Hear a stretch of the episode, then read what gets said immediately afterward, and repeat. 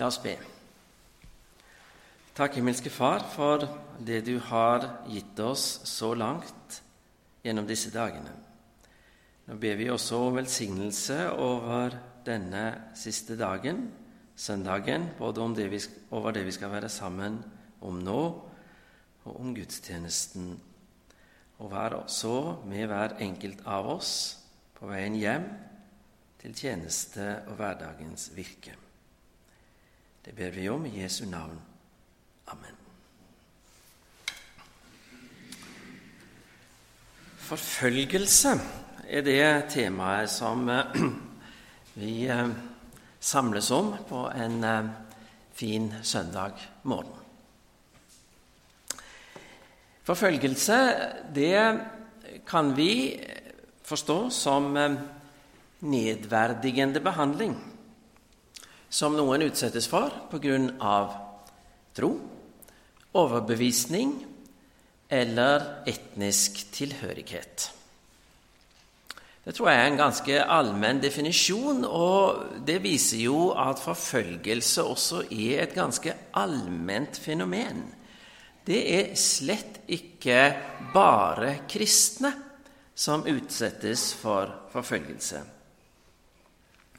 Jeg slo opp i den engelske Wikipedia-artikkelen, og der finner vi følgende opplisting av grupper som pga. livssyn og overbevisning i vår tid er særlig utsatt for forfølgelse. Ateister, bahai-tilhengere, kristne, mormonere, Jehovas vitner, Falun Gong, hinduer jøder, muslimer og sikher. Så om vi snakker om at kristne kan utsettes for forfølgelse, så er vi i godt selskap, for å si det sånn. Det er en klar kristen plikt å ta avstand for, fra forfølgelse og diskriminering uansett hvem som rammes. Det kan innledningsvis være nyttig å minne om Bl.a. fordi dagen i dag er 80-årsdagen for utbruddet av den andre verdenskrig, som var en eh, periode i vår, stor, i, i vår historie som også kjennetegnes av atskillig forfølgelse. Forfølgelse er altså et allment fenomen, selv om temaet som jeg har fått oppgitt, forfølgelse som Kirkens kjennetegn. Eh, det handler jo primært om forfølgelse av kristne. Open Doors, eller i Norge Åpne dører, det er en organisasjon som arbeider for å dokumentere forfølgelse av kristne og støtte forfulgte kristne. Ifølge deres statistikk for 2018 så lever 215 millioner kristne under høy eller svært høy grad av forfølgelse fordi de lever i land der kristen tro er forbudt og straffbart. Det er et høyt tall. Så fenomenet er svært utbredt.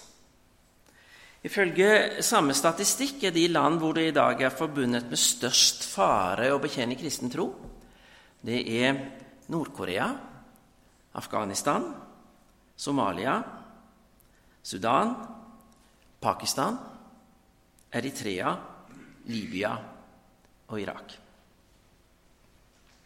Nigeria, Saudi-Arabia og Egypt kommer også forholdsvis høyst oppå listen. Men det er store geografiske forskjeller.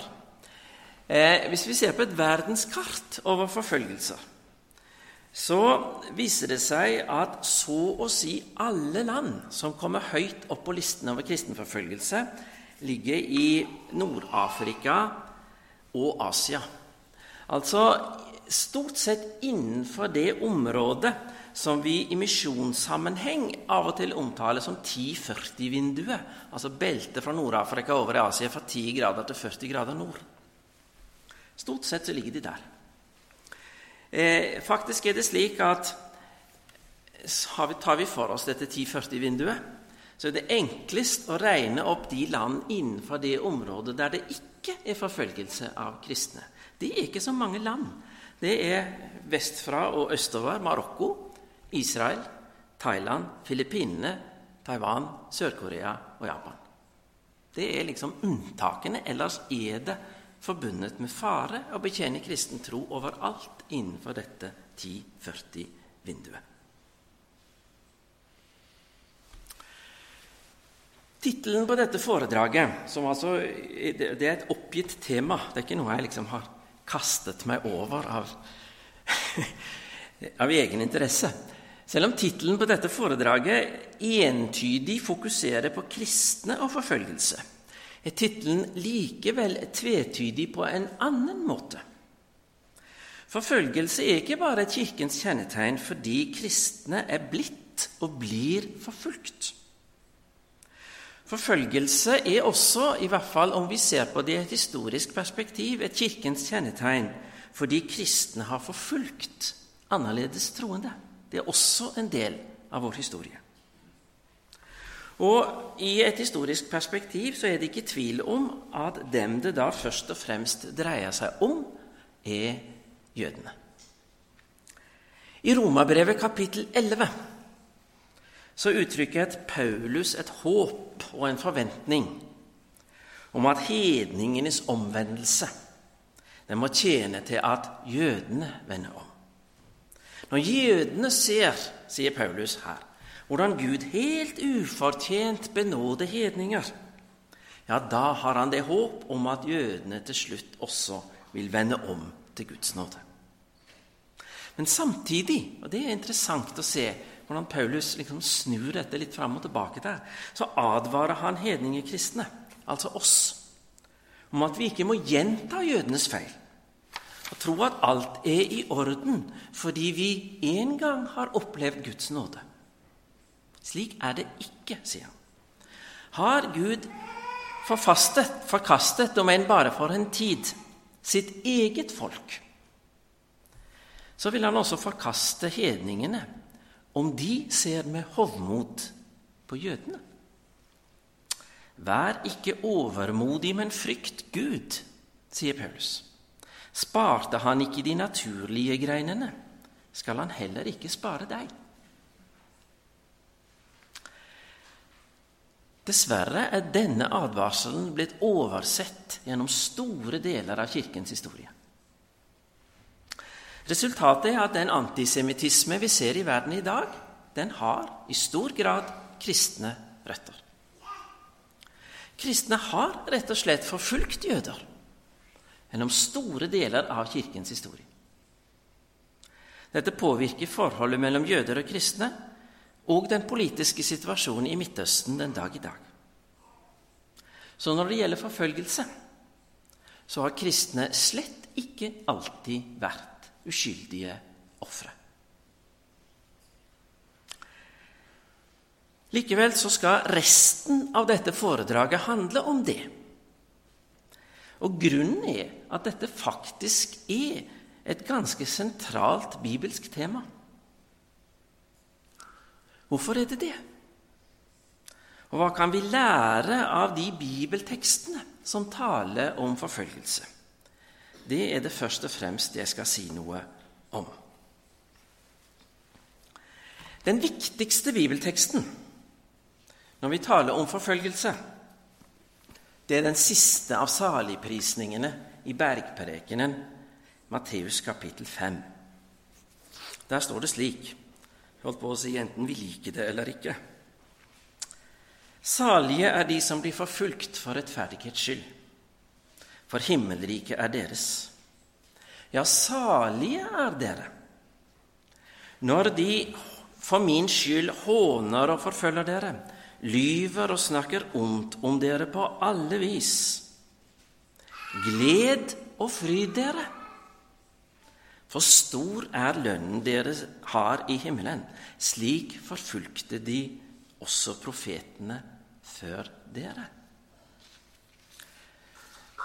Ikke den enkleste oppfordring å ta til seg. Gled og fryd dere. når dere forfølges. Det står også noe om dette i 1. Peters brev, som er et brev til kristne som opplever forfølgelse. Salige er dere når dere blir spottet for Kristi navns skyld, for Guds ånd, herlighetens ånd, hviler over dere. 1. Peters brev, kapittel 4, vers 14. Forfølgelse er altså noe kristne skal glede seg over, fordi forfølgelse gjør en salig.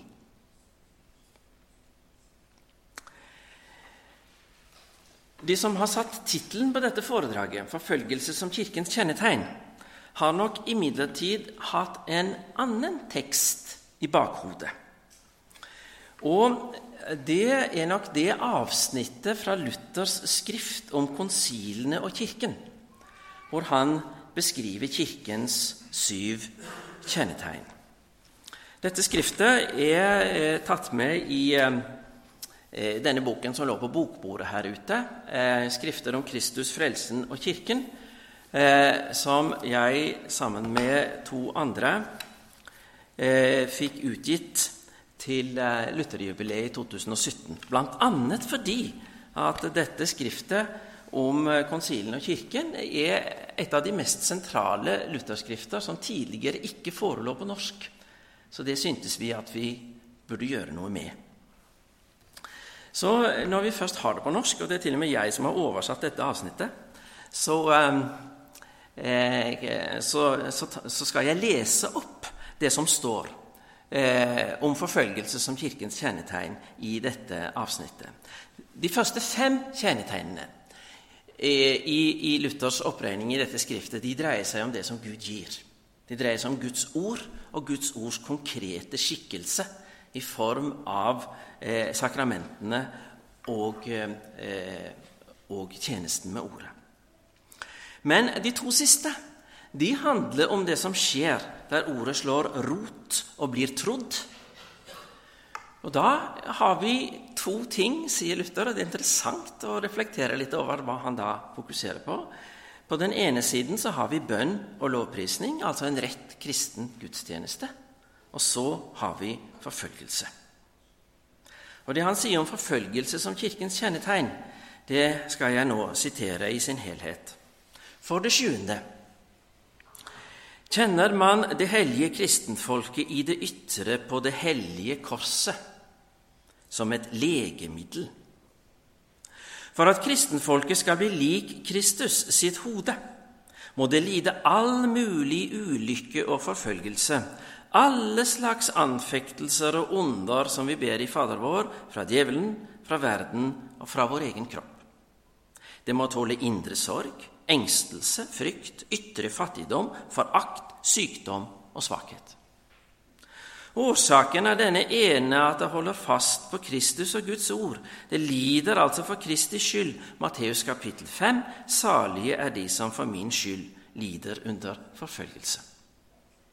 De må være rettskafne, stille og lydige. Være beredt til å tjene øvrigheten og enhver med liv og eiendom, men ikke gjøre noen noe vondt. Ikke noe folk på jorden må tåle et slikt bittert hat. De må gjelde som verre enn jøder, hedninger og tyrkere. Kort og godt, de må finne seg i og kalles kjettere, kjeltringer, djevler, forbannet og de skadeligste folkene på jorden, slik at de også gjør Gud en tjeneste, de som henretter, drukner, myrder, torturerer, fordriver eller plager dem. Ingen forbarmer seg over dem. Man gir dem i tillegg tvert imot myrra og galle og drikke når de er tørste. Dette gjør de likevel ikke fordi kristne er ekteskapsbrytere, mordere, tyvere, tyver eller skurker, men fordi de bare vil ha Kristus og ingen annen Gud. Der du altså ser eller hører dette, der skal du vite at Den hellige kristne kirke er til stede, slik det står skrevet:" Salige er dere når folk forfølger dere og forkaster navnet deres som skadelig, ond ting, og for min skyld gled og fry dere, for stor er lønnen dere har i himmelen. Med dette legemiddelet legemiddelet gjør Den hellige ånd dette folket ikke bare hellig, men også salig.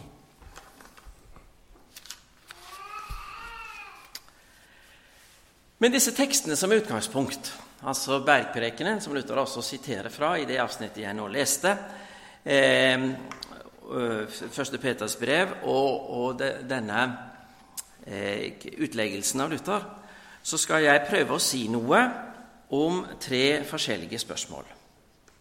1. Hvorfor blir kristne forfulgt? 2. Hva er hensikten med forfølgelse? Det forunderlige med de tre tekstene som jeg nå har lest, altså eh, Bergprekenen, 1. Peter og eh, Luthers skrift om, om konsilen og Kirken, er jo at de setter forfølgelsen inn i en positiv sammenheng. Jesus tar forfølgelsen med i saligprisningene.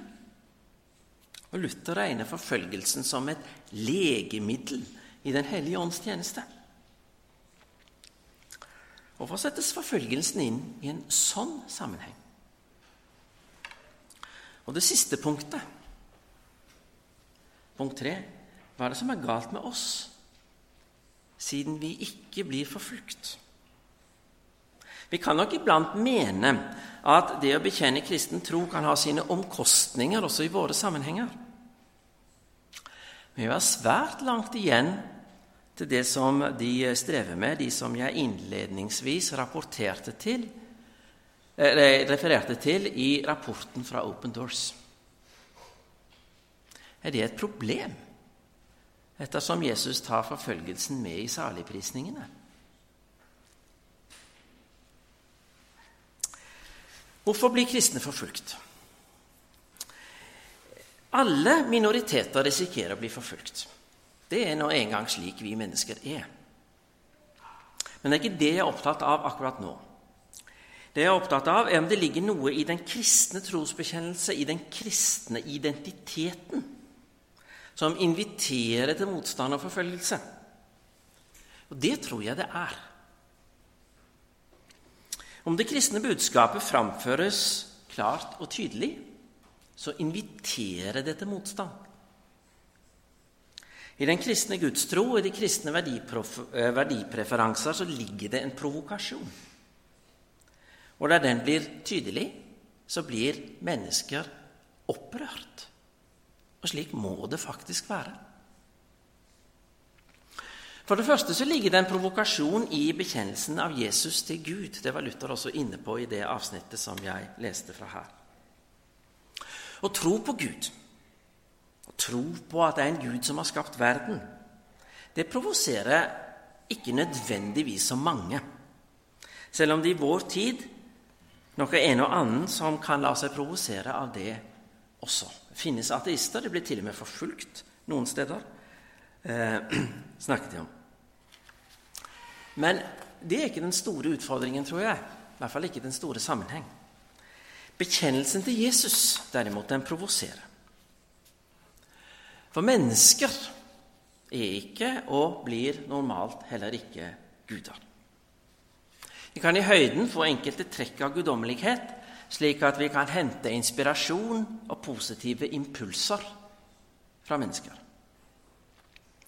Men å si, som den kristne trosbekjennelse sier om Jesus, at dette mennesket er Guds sønn og selv Gud fra evighet av, det provoserer. Fordi det er en sammenblanding av kategorier som vi ellers ikke vil vite noe av. Vi kan tro på en skaper, men ikke at skaperen vandrer på sine to ben midt iblant oss. Det skaper motstand. Og det skal skape motstand, for ellers er ikke evangeliet rett forkynt. Det er her veiene skilles. Det er på dette punkt jøder og muslimer tar avstand fra kristen tro. Det samme gjelder nyere varianter som mormoner og Jehovas vitner. Alle disse trosretningene er enige om troen på den ene Gud som har skapt himmel og jord. Og i en sekularisert og livssynspluralistisk verden er det ingen liten og ubetydelig enighet.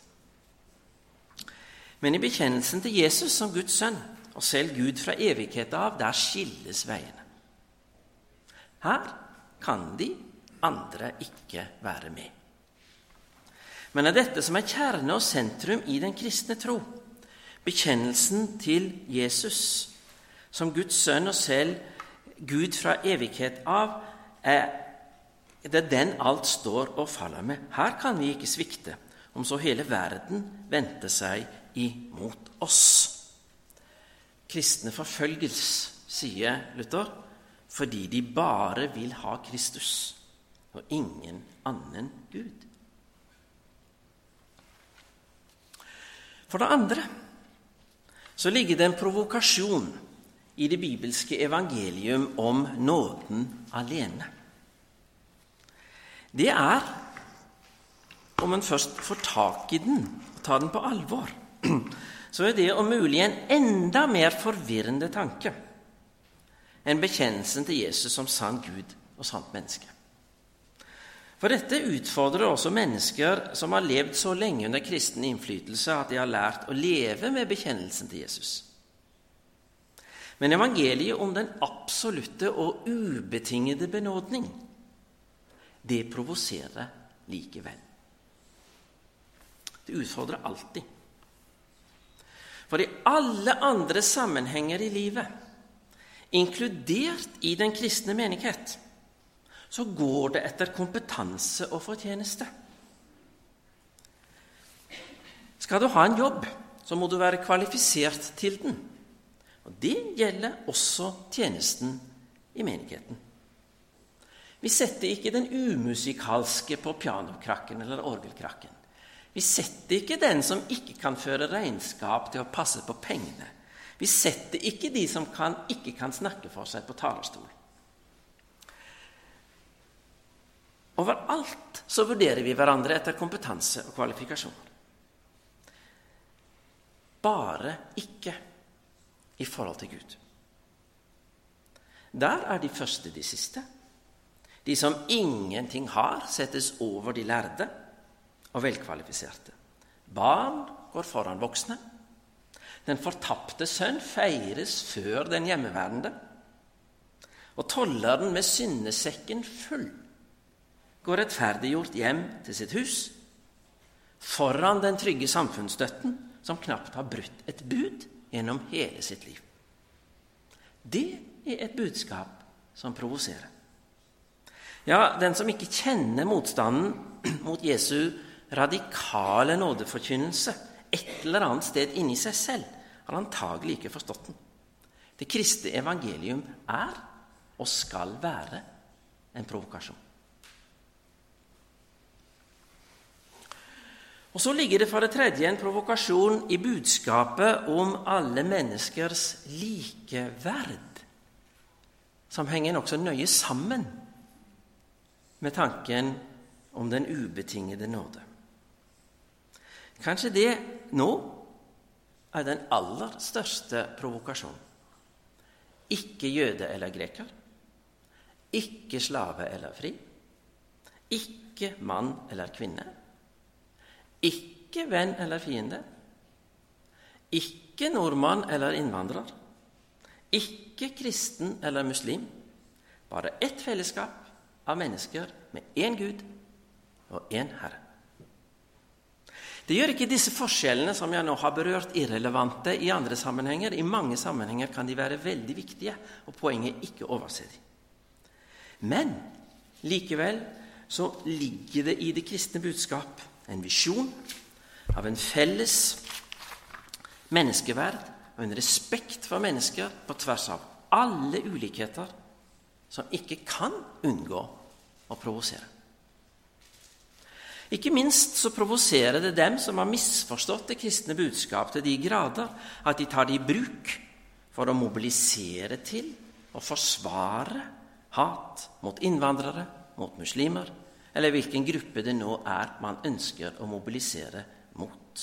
Det er et misbruk av Bibelens budskap og den provokasjonen som ligger i å gjøre dette tydelig det må vi ikke være redde for.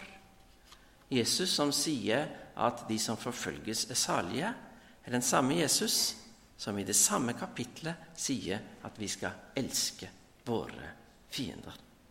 Da er det vel egentlig ikke så mange fiender tilbake. Det kristne budskapet provoserer og dermed inviterer det til motstand. Det fikk Jesus erfare, og det opplever også de som følger han etter og framfører det samme budskapet. Derfor ligger det i motstanden og forfølgelsen faktisk en garanti for ektheten i budskapet. og Det er nok derfor også Luther tar dette med når han snakker om kjennetegnet på den sanne kirke. Og Jesus er inne på det selv. Salige er dere når de for min skyld håner og forfølger dere, lyver og snakker ondt om dere på alle vis. Gled og fry dere, for stor er lønnen dere har i himmelen. Slik forfulgte de også profetene før dere. Så her tas vi inn i en ærefull sammenheng av Guds egne profeter.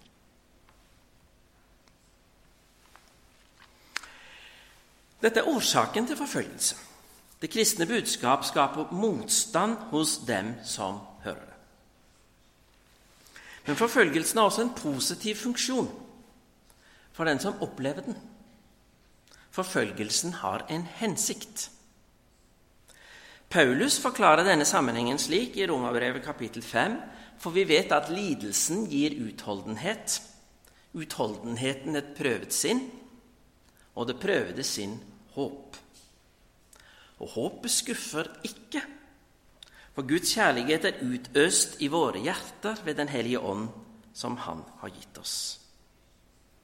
Veien går altså fra forfølgelse og annen lidelse, f.eks. sykdom, til utholdenhet, prøvet sinn og håpet om den realitet som er Guds kjærlighet. Derfor gjør forfølgelsen en salig, slik både Jesus og Peter sier. All lidelse, all prøvelse og motgang skal nemlig lære de troende å bygge sin tro på Gud alene. Og det er antagelig ingen annen måte å lære det på enn å oppleve at alt i verden, inkludert de mennesker en trodde og stolte på, kan komme til å svikte. Det er bare på den måten en kan lære å stole på Gud. Når vi snakker om forfølgelsens hensikt, så er det altså en flytende grense mellom forfølgelse og det vi mer allment gjerne omtaler som prøvelse eller anfektelse. Gud gir oss mennesker mange gode gaver. Ja, Gud er slik at han kan ikke annet enn å overøse oss med godt ustanselig. Han lar, som Jesus sier i, fremdeles i det samme kapittelet i Bergprekenen, kapittel 5, han lar sin sol gå opp over onde og gode og lar det regne over rettferdige og urettferdige. Han overøser oss med gode gaver hver eneste dag. Luther sier det slik i sin forklaring til første trosartikkel i Lille katekisme.: Jeg tror at Gud har skapt meg og alle andre skapninger. At Han har gitt meg legeme og sjel, øyne, ører og alle lemmer, fornuft og alle sanser, og fremdeles oppholder alt dette.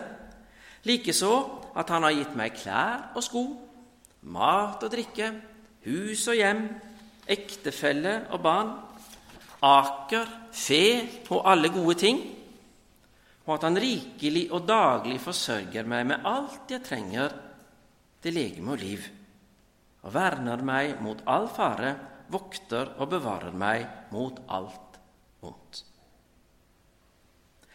Problemet med alt dette, alle disse gode gaver, er at vi så lett fristes til å forveksle gaven og giveren.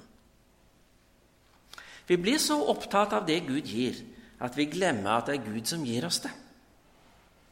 Og dermed lærer vi ikke takknemlighet av alle de gode gavene vi får.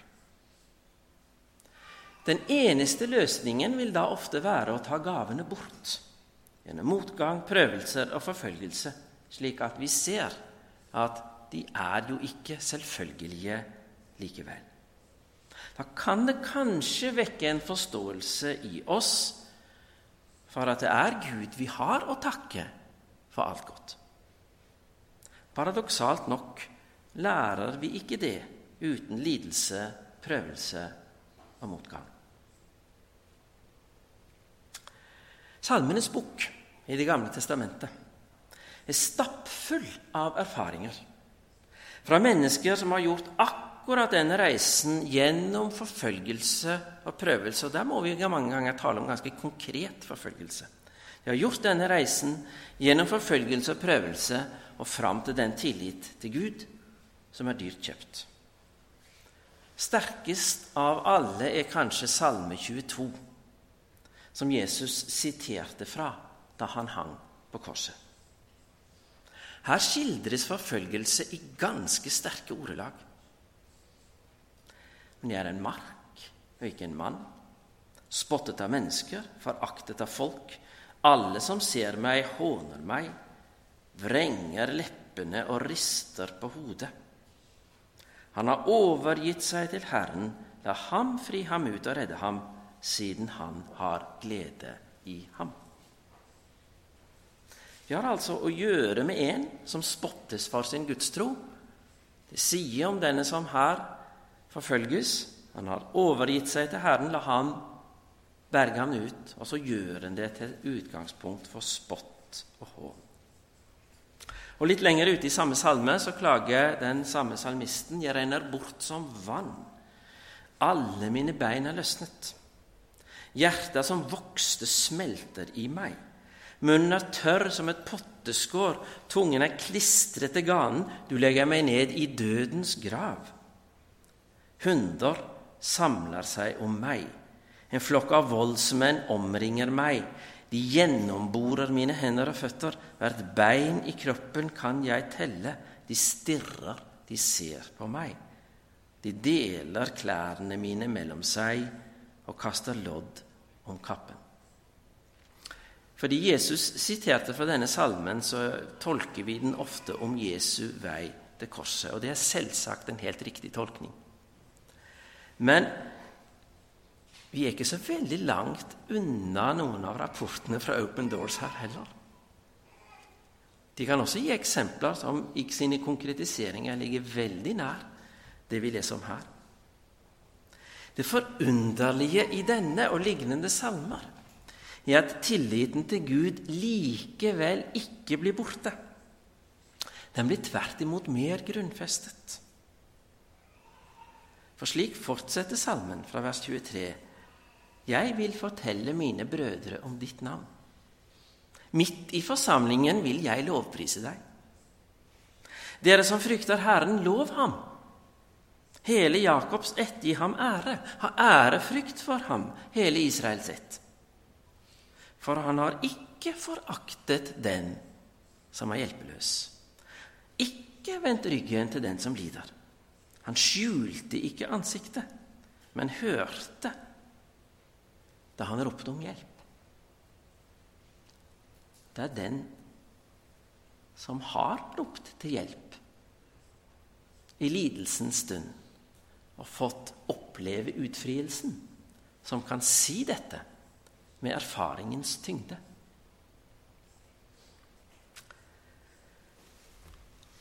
Det er ingen annen måte å oppnå en slik tillit på. Derfor priser Jesus sine disipler salige når de blir hånet og forfulgt. Jesus brukte Salmenes bok som sin bønnebok. Så det er ikke så vanskelig å se hva som er bakgrunnen når han snakker om forfølgelsens velsignelse.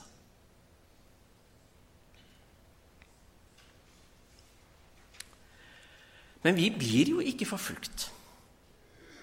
Vi lever i en del av verden der religionsfriheten er reell, og hvor vi kan bekjenne kristen tro uten fare for livet. Det står ikke hemmelig politi utenfor inngangen her og skrive opp navnene for de som samles til gudstjeneste i dag, at vi, slik at vi kan risikere å møte det som et problem i andre sammenhenger i livet. Vi opplever ikke det. Andre deler av verden er det en høyst reell situasjon. Vi risikerer i høyden at sosiale utstøtelsesmekanismer i noen sammenhenger slår inn fordi mennesker faktisk blir provosert av en kristen trosbekjennelse. Noen opplever dette som ubehagelig, men det er sjelden svært farlig. Når Jesus priser dem salig som blir forfulgt, betyr det da at vi kan risikere å gå glipp av hele saligheten som Jesus her snakker om. For det første så tror jeg vi skal være takknemlige for at vi ikke blir forfulgt.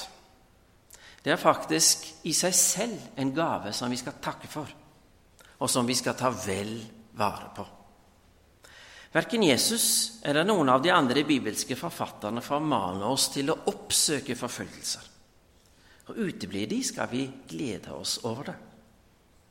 Det kan selvsagt skyldes at vi forkynner evangeliet så tannløst at det ikke er noen som blir provosert, og dermed heller ikke ser noen grunn til å forfølge oss. Men jeg tror ikke det er hele bildet. Manglende forfølgelse i vår del av verden henger også sammen med kristen påvirkning gjennom mer enn 1000 år, slik at kristne verdier og kristne moralnormer de preger faktisk samfunnet langt utover rekken av aktive kristne. Religionsfrihetsidealet er i seg selv faktisk et ganske godt eksempel på det.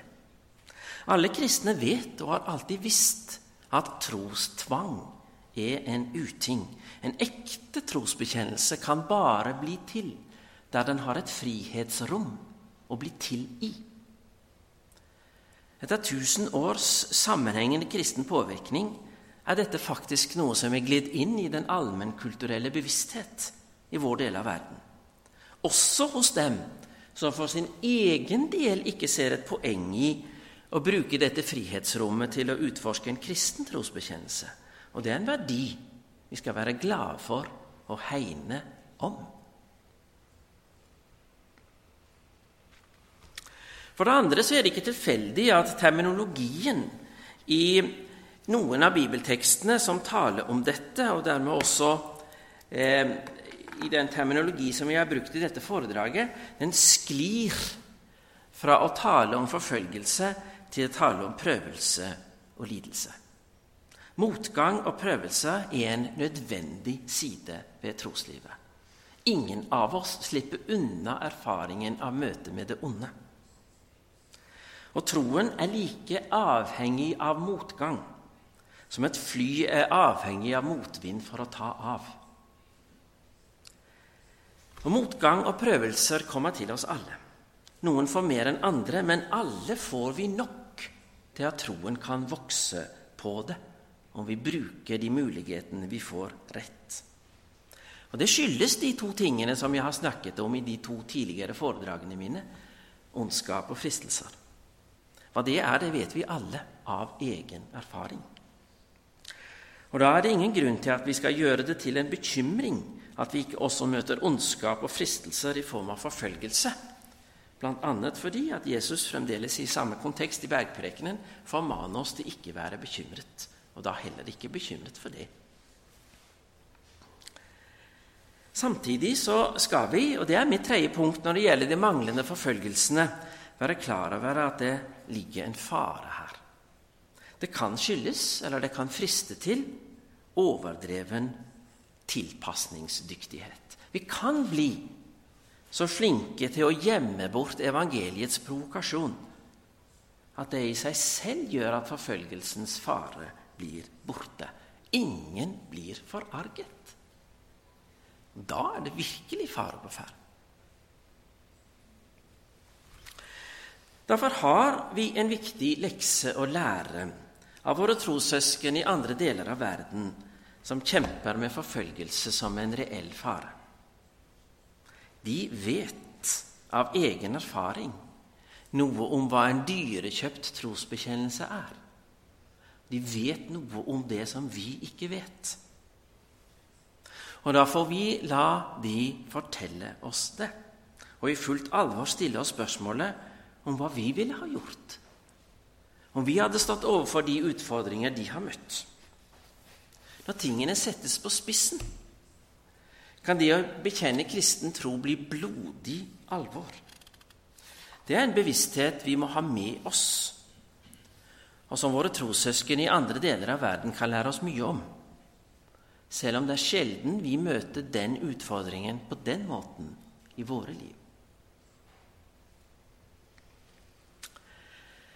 Forfølgelse kan lede til martyrium, til det å måtte vitne vitne om sin tro med sitt liv. I Oldkirken var det periodevis slik. Og slik var det faktisk også på reformasjonstiden. Vi syns kanskje at Luther, som selv levde i en folkekirkelig kontekst, overdriver forfølgelsesfaren. Men på den tiden så var det slik at en kunne bli drept for luthersk trosbekjennelse i et katolsk land. Det har vi faktisk flere eksempler på. Og Luther var selv lyst fredløs. Etter riksdagen i Worms i 1521 var Luther fredløs i det tyske riket, slik at enhver kunne drepe han uten å bli tiltalt for mord. Så for Luther var dette en realitet han levde med. Vi får være glade for at de økumeniske relasjoner har bedret seg siden den gang. Vi, vi lider ikke forfølgelsesfare som lutheranere i et katolsk land i dag. Men også i dag er det i store deler av verden slik at åpen trosbekjennelse kan koste en livet. Og Da blir prioriteringene ganske tydelige. Det heter gjerne at Kirken vokser på en tydelig trosbekjennelse. Noen ganger gjør den nok det, men slett ikke alltid. Vi har eksempler på at kirker har blitt utryddet gjennom forfølgelse. Vi har flere eksempler på det gjennom historien. Jeg har vært misjonær i Japan, og der skjedde det på 1600-tallet. Der ble alle som åpent bekjente den kristne tro, drept. Med den konsekvens at landet, som faktisk hadde en forholdsvis blomstrende kristen kirke rundt år 1600, den var uten åpent bekjennende kristne i 250 år. Forfølgelse er en ulykke. Selvsagt først og fremst for dem som i sin åndelige og kulturelle fattigdom må gripe til slike midler. Forfølgelse er et større problem for den som forfølger, enn den som blir forfulgt men vondt nok for den som må leve med konsekvensene også. Dette er en realitet vi må leve med. Konsekvensen av å bekjenne den kristne tro kan være at livet med det er slutt. Likevel er det en stående oppfordring fra Jesus til alle disipler om å avlegge den gode bekjennelse. Vær den som kjennes ved meg for menneskene, skal altså jeg kjennes ved for min Far i himmelen, sier Jesus. Matteus kapittel 10, vers 32. Det gjelder også under motstand og forfølgelse. Troen på at han som sier dette slik, er han som vet best, er også en del av den kristne troens identitet. Han måtte vitne om sin tro med sitt liv. Derfor kan det også kreves av oss som vandrer i hans følge. Men likevel er det der det er verdt å gå. For det er der vi er omgitt av løftene av Guds, om Guds urokkelige, kjærlige velsignelse. Kort oppsummering til slutt. Forfølgelse rammer ikke bare kristne. Og kristne kan også befinne seg blant forfølgerne, ikke bare blant de forfulgte. Det første, å befinne seg blant forfølgerne, det er en synd som skal bekjempes. Det siste, å bli forfulgt er en realitet som det ikke alltid er mulig å komme seg unna.